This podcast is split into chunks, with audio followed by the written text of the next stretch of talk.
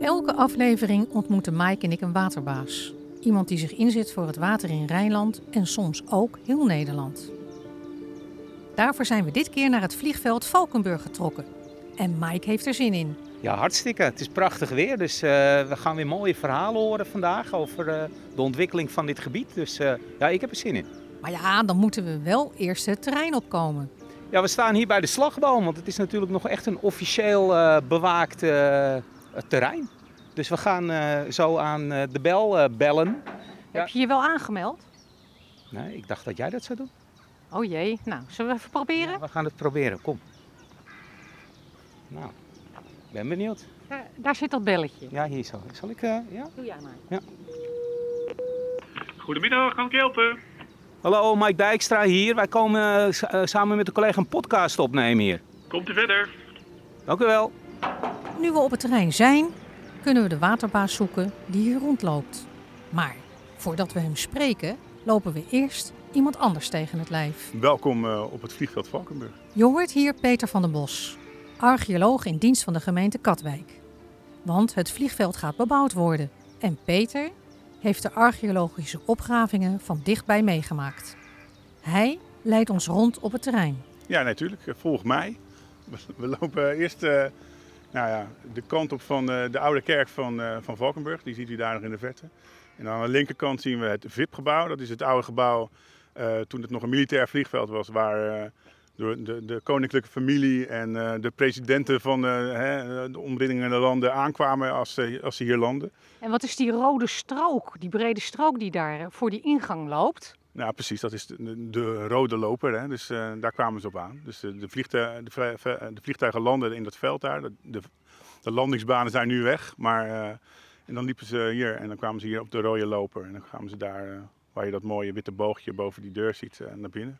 Ja, je ziet dus nog dat het is afgezet zoals bij zo'n vliegveld. Hè, dus met prikkeldraad en hoge hekken. Alleen dat, van dat vliegveld is niks te zien, want dat staat nu helemaal nou, met een metershoog gras eh, begroeid. En in de verte zie ik de skyline van eh Oestgeest en Leiden. En eh, ja, jij hebt ons hiermee naartoe genomen, naar dit plekje. Ehm, ja, wa- wa- waarom? Wat, wat valt er hier te zien onder de grond, neem ik aan? Ja, er zit hier dus van al, nou ja, niet meer inmiddels. Want eh, eigenlijk waar we nu naar kijken, eh, is eh, vorig jaar opgegraven. Het grootste deel. Eh, en waar we nu naar kijken is, inderdaad- is dan ook de, een van de oudste eh, periodes waar we, die we hier hebben. Dat is met name ijzertijd is hier gevonden. Je ziet dan dat de, mensen echt gebruik maakten van wat er in het landschap aanwezig was. Hè. Dus eh, de mooie plekjes zochten ze uit om te wonen. En ze, ja, ze visten in, in het water en ze, en ze jaagden op, op wat hier rondvloog en rondliep. En zo, zo bedro- bedropen ze zichzelf. En als je dan meer die kant op kijkt. En Dus dat is meer, meer richting de rivier, hè, zeg maar de Oude Rijn. Dus richting Meer- Leiden kijkend. Ja, meer richting ook waar nu de 206 loopt. Hè. En dat is eigenlijk dat is waar vroeger de Rijn was de, de grens van het Romeinse Rijk. Hè, wat we de Limes, eh, als het goed is, eh, wordt die eind juli uitgeroepen tot het UNESCO Werelderfgoed. Nou, eh, we zien daar de toren van de kerk van Valkenburg. Daaronder zit het castellum van, van Valkenburg. Dus daar zit het Romeinse fort. Eh, en als we nu die kant op kijken, meer richting eh Oesgeest, eh, om vanuit deze punt. Daar hebben we pas een grote opgraving gedaan en hebben we een heel nieuw fort gevonden. Het is een Romeins legioenskamp. Te vergelijkbaar met onder de kerk zit een, een fort, daar kon ongeveer 500 man in. Wat we nu hebben gevonden is een fort waar een legioen in kon. Daar hebben we het over 5000 man. Dat is dus een, een enorme vondst is dat dus. Ja, nou klopt. De Romeinen zakten dus de, de Rijn helemaal af om hier te komen uiteindelijk? Of hoe, hoe ging dat? Ja, we gaan er wel vanuit dat de, de Rijn toen wel eh, de snelweg van toen was, zeg maar. Dus eh, los van dat het een heel strategisch eh, punt was, hè, dus dit was ook echt de grens. Dus meer naar het noorden toe, hè, wat we naar richting Friesland en Groningen, dat, daar kwamen ze eigenlijk niet. Dus ze hebben deze grens beschermd. En vanuit hier wilden ze naar de overkant, naar, naar Engeland. En daar, die aanwijzingen zijn ook dat, eh, dat, dat nou, ja, daar zijn, dat, onderzoek loopt nog, maar goed, er zijn wel wat aanwijzingen die erop wijzen dat het zomaar zou kunnen dat ze dus hier met die legioenen eh, verzameld zijn en vervolgens naar de overkant zijn getrokken. In hoeverre waren Romeinen dus eh, ja, afhankelijk van het water? En wat, wat, wat, wat, Wat voor rol speelde dat water? Weten jullie daar meer over? Ja, wat we zien hè, is dat je, dat je vanuit tijdens de ijzertijd was het, waren de mensen nog niet zo, zo van, die pasten zich aan, aan, aan het water of aan de omgeving, aan de natuur. En vanaf de Romeinse tijd zie je steeds meer dat de mens de natuur of hè, het water probeert te vangen in hoe zij het willen hebben. Dus je ziet uh, grootschalige beschoeiingen van, uh, van, uh, van rivieren. Je ziet dat ze kanalen gaan graven. Je ziet dat ze nou ja, al die sloten gaan graven om, die, om, die, om die, die, dat land ertussen droog te houden. Um, dus dat wordt en op een grote schaal, hè, want we hebben, wat ik zei, we hebben het hier over honderden hectare. En dat werd gewoon wel ontgonnen door de, door de Romeinen. En Peter, die, die Romeinen die waren dus echt waterbeheerders, net als Rijnland. Um, waren ze er een beetje succesvol mee? Nou ja, in principe wel. Ze hebben hier toch uh, een aantal honderd jaar uh, gezeten. En waren toch in staat om uh, goed te boeren, zeg maar. Maar goed, we zien ook, dat, we zien ook dat bijvoorbeeld de Romeinse weg meerdere fases heeft. Dus in, in 80 na, na Christus moest hij, moest toch wat meer deze kant op geplaatst worden. Omdat de Rijn toch te veel uh, in de buurt kwam, zeg maar. Dus uh, ze waren toch niet in staat om te zeggen: oké, we, we, kaderen de heel die Rijn eventjes in. Dus ze, ze, moesten zich ook wel weer aanpassen aan, aan, als het erg uh, veranderde. Maar goed, ze waren zeker succesvol. En ja, goed, ze kwamen ze water tegen, dan gingen ze eroverheen met een brug. Of ze legden duikers aan en gingen er op die manier overheen. Dus ze lieten zich niet zomaar hè, kisten zeg maar, door een beetje water. Dat was, dat was wel duidelijk. Hè? Dus ze hebben dijken aangelegd waar de, waar de wegen dan overheen liepen. Het was hier echt moerassig, zeker toen. Dus uh, ze waren zeker succesvol. De Romeinen waren dus succesvol. Maar zijn de nieuwe bewoners van dit gebied dat straks ook? Of in ieder geval de mensen die het gaan bouwen? Want hier op het vliegveld Valkenburg moet een hele innovatieve wijk komen. Een wijk van de toekomst, die straks misschien wel centraal staat voor allemaal nieuwe wijken in Nederland. De waterbaas die daarmee bezig is, is André Bol, strategisch adviseur van Rijnland. Hey Hanneke. En voordat we hem spreken, moet hij eerst even van de schrik bekomen. Ik moet na het verhaal van Peter toch wel even een identiteitsshockje verwerken, merk ik. Want wij roepen al jaren, Rijnland is het grootste, het oudste, het mooiste waterschap uh, wat er bestaat. En nu blijken die Romeinen ons toch weer net voor te zijn geweest met georganiseerd waterbeheer. Dus dat moet ik nog wel eventjes uh, verwerken. André vertelt ons dat hij samen met de gemeente, de ontwikkelaar en andere organisaties aan een plan werkt om het water in dit gebied optimaal te gebruiken. En kunnen ze ervoor zorgen dat het water in de toekomst ook geen problemen veroorzaakt. Want eigenlijk is dit gebied helemaal niet de perfecte locatie om te bouwen, vertelt hij. Nederland raakt natuurlijk ook steeds voller. Uh, de beste plekjes zijn bebouwd. En nu zie je hier, we staan hier eigenlijk in een polder. Dat zou je niet zeggen, maar het is echt een polder. We liggen dus onder het, het hogere boezemniveau. Dus je kunt je eigenlijk al beginnen af te vragen van, is het eigenlijk wel slim om hier te bouwen? En ik heb wel eens verhalen gelezen uit de Tweede Wereldoorlog dat de eerste vliegtuigen die hier landen, die zakten direct tot een, uh, tot een chassis, zakten ze gewoon in de blubber. Ik dacht dat het allemaal zand was hier. Nee, dat is het niet. Er zit ook gewoon een veen in. Een beetje klein, een beetje mix, maar het is eigenlijk een, zompige zooi, om het zo maar te zeggen. Um, dus wij kunnen dat als waterbeheerders best wel weer fixen. Maar de vraag is, um, is dat houdbaar als je ook kijkt naar de generaties die na ons gaan komen? Want het, is, het vraagt ook een prijs. Als wij hier iets gaan bouwen en we gaan het met waterbeheer regelen, dan blijven we pompen, pompen, pompen, malen, dijken bouwen. En eigenlijk creëren we problemen in de toekomst met meer wateroverlast, meer droogte, funderingsproblemen.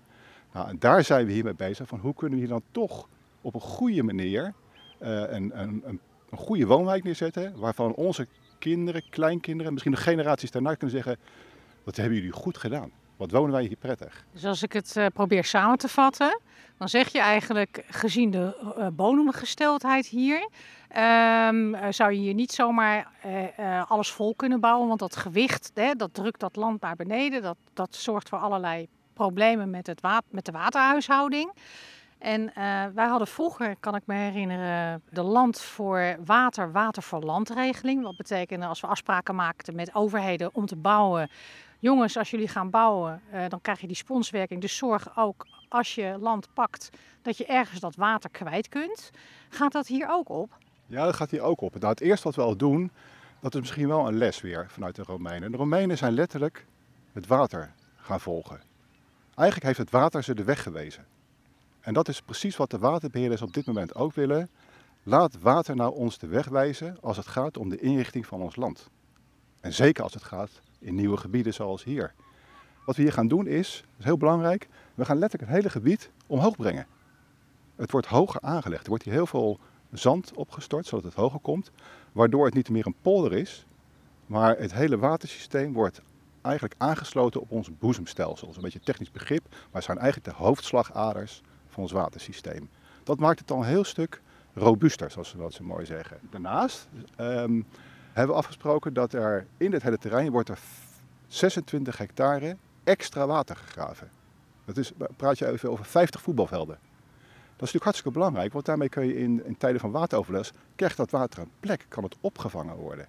Nou André, pra prachtig plan. Veel ruimte voor groen, natuur, duurzame oplossingen. Hebben jullie ook nagedacht uh, in dat plan over, over de drinkwatervoorziening en of dat ook innovatiever kan? Jazeker, we zijn eigenlijk helemaal losgegaan, durf ik wel te zeggen. Um, en dat vind ik ook het bijzondere aan deze ontwikkeling. Um, ik heb net iets verteld over het waterbeheer.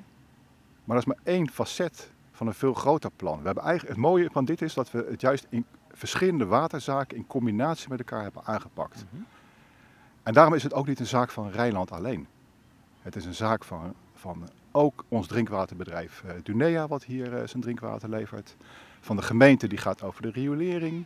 Het RVB die hier grondeigenaar is. Ontwikkelaars die aan de slag moeten. En natuurlijk Rijnland als waterbeheer. Nou, wat we dan gedaan hebben op het gebied van afvalwaterinzameling en zuivering. En drinkwater uh, creëren. Er zijn echt goede mogelijkheden om hier in de huizen voorzieningen aan te brengen. Om um, gebruikt drinkwater, wat nog niet zo heel vuil is, hè, dus wat bijvoorbeeld uit de douche komt of uit de wasmachine komt, om dat weer op te vangen en opnieuw te gebruiken. Nou, dan ga je erover denken, oh, maar dan kan het regelwater wat hier vangt, kunnen we ook opvangen en opnieuw gebruiken. -hmm. Dat kan je allemaal eigenlijk in de woningen opnieuw hergebruiken. A, bespaart dat enorm veel water kostbaar drinkwater. Want het is echt een probleem aan het worden als we naar de toekomst kijken of we nog wel genoeg drinkwater hebben om ons allemaal van drinkwater te voorzien. Dus dat helpt enorm. Maar er is nog een voordeel. Hoe minder drinkwater je gebruikt, hoe minder afvalwater er op onze zuivering komt. En hoe minder afvalwater wij op onze zuivering hebben, hoe beter het voor ons is om stofjes eruit te halen die we niet willen, zoals bijvoorbeeld medicijnresten of microverontreinigingen. Maar ook stofjes eruit te halen waarvan we denken, die zijn waardevol grondstoffen die je weer kunt terugwinnen. Dus hoe geconcentreerder het afvalwater, hoe meer het oplevert. En het derde element is van, um, kunnen we water niet gebruiken als energiebron? Er loopt hier aan de rand van het terrein uh, een enorme grote uh, waterleiding, rivierwater. Dat wordt getransporteerd hier verderop naar de duinen. Daar wordt het bereid tot drinkwater. En uh, de gedachte nu is van, kunnen we het niet alleen water laten zijn, maar ook energie laten zijn? En dat kan. Dat is gewoon mogelijk. Dus het is mogelijk straks hier om alle woningen te verwarmen en te verkoelen, belangrijk in deze tijden van hitte soms, met water. Het moet een duurzame energie-neutrale woonwijk worden. En dan is water een belangrijke sleutel. Dus ik vind het zo mooi dat, dat uh, soms is water een beetje beperkend, hè, waar ik mee begon. Van we moeten ons een beetje naar de, naar, de, naar de stand van het water zetten. Maar soms kan water ook enorm bijdragen in veel grotere maatschappelijke opgaven. Dus zodoende zijn wij altijd bezig om die drie elementen met elkaar hier verder te brengen. En dat maakt het bijzonder in dit plan. De combinatie van maatregelen en de combinatie van partijen die de handen ineens slaan. En als het ze lukt om er inderdaad de waterwijk van de toekomst van te maken, kan dit zomaar een voorbeeld zijn voor andere woonwijken in ons land. En ja, ik ga er ook niet omheen draaien. Het, het, het investeren in, in duurzaamheid en innovaties vraagt niet alleen lef, maar vraagt ook gewoon meer geld. Uh, voor niets gaat de zon op. Um, en het is waar, we besparen er ook mee, maar ondertussen staat er een zuivering die gebouwd is met het plan dat Valkenhorst erop aangesloten zou worden. Dus voordat je dat terugverdient, ben je, ben je decennia verder. Ik heb aangegeven, in de woningen kunnen we allemaal waterbesparingsvoorzieningen gaan treffen. Ik hoop echt van harte dat die er gaan komen. Daar besparen we echt water mee. Maar ja, weet, je, weet jij wat je betaalt per jaar voor water? Nee, eerlijk gezegd niet. Nou, dat is heel weinig. Water is heel goedkoop. Dus als wij hier 30, 40 procent besparen aan water, misschien zelfs wel meer, dan praat je over een paar tientjes. Dat verdien je niet terug, die investering daarmee. En toch vinden we allemaal met z'n allen, hebben we iets, zegt ons buik van, dit is belangrijk dat we dat doen. Want het is niet alleen een investering in, in geld, het is geen financiële business case alleen. Het is ook een investering om uiteindelijk met elkaar de klimaatdoelstellingen te halen, de duurzaamheidsdoelstellingen te halen, de circulariteitsdoelstellingen te halen. Je gaat CO2 ga je minder uitstoten. Dat is ook van waarde. Maar als je mij vraagt, reken dat eens even uit, dan wordt die al een stuk lastiger. Dus het vraagt ook een houding van ons allemaal van, willen we dat, vinden we dat echt belangrijk en willen we daarin investeren? Uh, het is echt werkelijk een, een, een, transitie die je doormaakt. En dat is hier de kans, omdat het een voorbeeldwijk is. Uh, ik ben er ook wel van overtuigd van, als dit een vlucht gaat nemen, dan gaat de markt ook zijn werk doen. Dan gaat het, wordt er slimmer geproduceerd, de nieuwigheid gaat er misschien van uit. Hetzelfde met zonnepanelen en dergelijke. Um, dat gaat dan wel helpen om het wel wat meer uh, rendabel te hebben. Maar bij alle vernieuwingen ben ik ook van overtuigd van... Um, als kind zijnde al, en dat eigenlijk, maak ik dat heel mijn leven mee, ook als volwassene. Elke verandering moet ik leren en daar heb ik een beetje hulp bij nodig. En dat geldt eigenlijk ook hiervoor. We hebben een kontje nodig. En ik kijk dan toch ook naar het Rijk. Uh, want die heeft ook aangegeven, dit vinden we belangrijke doelstellingen. Innovatie, duurzaamheid, klimaatbestendigheid. Help ons dan ook financieel, niet alleen mentaal, maar ook financieel, om dit een vlucht te geven. En dan kan je uh, investeren in de toekomst en ook nou ja, water echt werkelijk de weg laten wijzen. En, en dat, dat is wel heel belangrijk. En, en daar zitten we nu middenin, om met elkaar die steun ook te zoeken. En ja, uh, want anders heb je het gevaar dat iedereen gaat toch denken van ja, uh, Rijnland gaat over de zuivering, de gemeente gaat over de riolering, het RVB gaat over een sluitende grondexploitatie. De ontwikkelaar wil natuurlijk ook goede huizen bouwen, maar ook daar nog iets aan verdienen, een marge overhouden. Als je allemaal vanuit je eigen koker blijft redeneren, dan kom je er niet mee. Je moet iets gaan forceren met elkaar. Want het gevaar bestaat dat je toch, ook Rijnland hoor, af en toe terugvalt van, ja, maar waar gaan wij nou over? Het, het, vraagt dus ook om een nieuwe vorm van samenwerken eigenlijk. Ja, ik denk naast alle technische innovaties, hè, daar kan ik je bossen over opnoemen, maar ik vind ook de samenwerking net zo innovatief. En het is echt verdraaid lastig, maar um, ik merk ook steeds de wil uh, van, uh, we gaan er toch iets van maken en we gaan een stap verder komen. Dus ja, dat is misschien toch wat idealistische wat erachter zit, wat toch de mensen, daar wil je ook wel bij horen. En daar wil je iets in gaan betekenen. En we zijn het volgens mij ook verplicht gewoon aan onszelf, maar ook aan onze generaties na ons. Nog even terug naar die, naar die huizenprijzen. Ik bedoel, ik heb je verhaal en je toelichting nu gehoord. Maar dat betekent dus eigenlijk dat je zegt van dat de kosten van deze wijk uh, niet één op één in de huizenprijzen terecht moeten komen. Maar dat dus de diverse partijen, overheidspartijen, marktpartijen, daar ook hun bijdrage in moeten leveren. Ja, we zitten wel op de lijn nu van als overheden een taak hebben ergens in, hè, zoals Rijnland Zuiveren, en je gelooft erin, dan moet je er gewoon betalen. En dan moeten wij kunnen uitleggen aan alle bewoners, ook buiten Valkenhorst, dus in Gouda of in Amsterdam, noem maar uit, van dat het goed is dat we daar met z'n allen voor betalen. Dat is wel een belangrijke. Maar we vinden ook dat uh, bewoners gewoon moeten betalen voor de voorzieningen. Want natuurlijk is het een hoop geld. Je praat over, als je alles bij elkaar optelt, 5.000, 6.000 euro extra per woning wat je zou moeten investeren om het helemaal goed te doen. Dat is een smak geld. En dat snap ik heel goed. Ik ga het niet bagatelliseren. Uh, maar ik zie tegelijkertijd hier ook mensen de tent uitvechten en overbieden. Uh, en dan vliegen de 4 ton, 5 ton, 6 ton je om de oren. Dan denk ik, ja, ik wil het niet wegrelativeren, maar je kunt het ook wel af en toe in die context zien. Van waar wil je nou werken investeren? Gaat het alleen maar om een extra dakkapelletje en een betegelde tuin? Of wil je ook gaan investeren in je duurzaamheid en ook voor je nageslacht uh, zorgen dat je hier goed kunt blijven wonen? Want laten we wel zeggen, het is toch een prachtig gebied als je hier kan wonen. Mike en ik verlaten het vliegveld in dit mooie groene gebied weer. Op naar een volgende waterbaas. Wil je meer weten over dit project? Kijk dan op Rijnland.net. En vergeet je niet te abonneren, want dan krijg je een melding wanneer er weer een nieuwe aflevering is.